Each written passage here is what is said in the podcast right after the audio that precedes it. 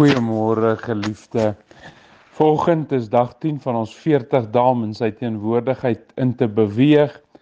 En ek glo werklik waar dat jy besig is om introspeksie te doen oor jou eie lewe en nie te kyk na iemand anderste se lewe nie. Nou ek wil vandag wil ek vir jou motiveer en ek wil juis met jou daaroor praat.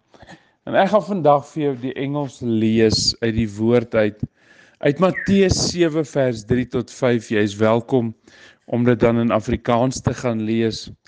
Daardie skrifgedeelte sê And why do you see the speck that is in your brother's eye but do not consider the plank that is in your own eye?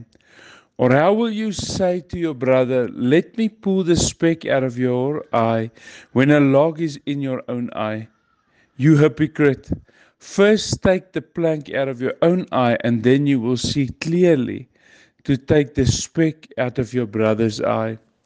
Ek besef in sy teenwoordigheid en in heiligmaking is dit een van die groot gevare wat ek en jy kan deurgaan is om altyd die fout met ander raak te sien en om altyd te kan sien die goeie posisie waarin jy is en te sien in watter probleme of wat jou vriend of vriendin mee sukkel. Maar ek wil vandag vir jou sê dat ons so 'n bietjie introspeksie moet doen en vir onsself vra. Iemand het een keer gesê wat juis op 'n stadium so gekyk het na die splinters wat in iemand anders se oë dat hy soveel balke in sy eie oë het dat hy genoeg het om 'n houthuis daarmee te bou.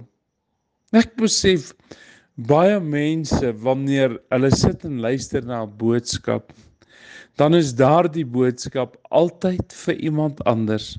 Hulle vra nooit of die gees van die Here met hulle praat nie maar neem altyd aan dit is vir iemand anders. En dit is eintlik 'n stok, dis eintlik 'n blokkade in mense se pad na geestelike groei, na heiligmaking. Wanneer jy nie introspeksie doen om te kyk wat fout is in jou eie lewe nie. Vandag is dit vir my 'n motivering vir jou en vir my om te sê Here, maar wat waarmee praat U met ons? Waarop moet ons verbeter? Wat staan juis in daardie pad na heiligmaking toe?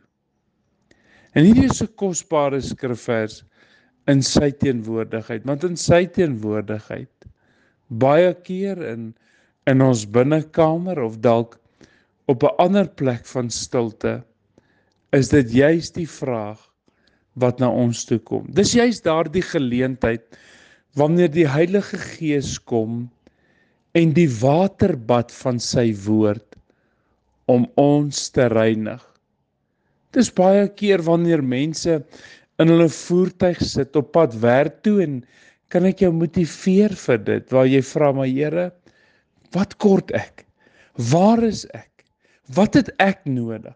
Wat het ek nodig om af te lê om nader aan U te beweeg?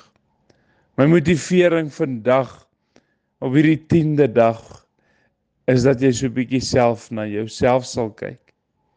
Dat jy jouself nie sal meet in jou lewe met ander se lewe nie, maar dat jy jouself sal meet op God se standaard vir jou lewe.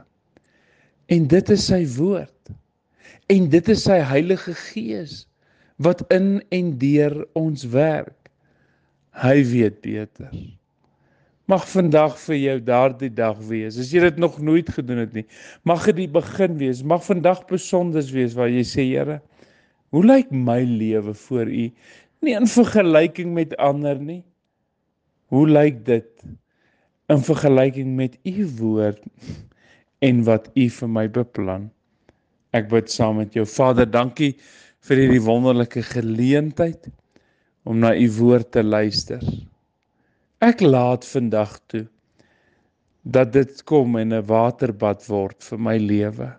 Ek laat toe vandag om te luister na u Heilige Gees. Ek dank U in Jesus naam. Amen. Baie dankie mag dit vir jou 'n besonderse dag wees. Ek wil dit vir jou sê dat ons het vanaand weer 'n massa aksie van gebed by Suikerbos Hospitaal waar ons vir die siekes daar bid, maar ook vir siekes in die algemeen. En ons nooi jou uit om vanaand te kom. Van 7uur af as jy net vir een gebed of 5 minute of 'n halfuur of vir die hele uur daar wil en kan wees is jy welkom. Ons massa gebedsaksie vanaand om 7uur by die hospitaal. Baie dankie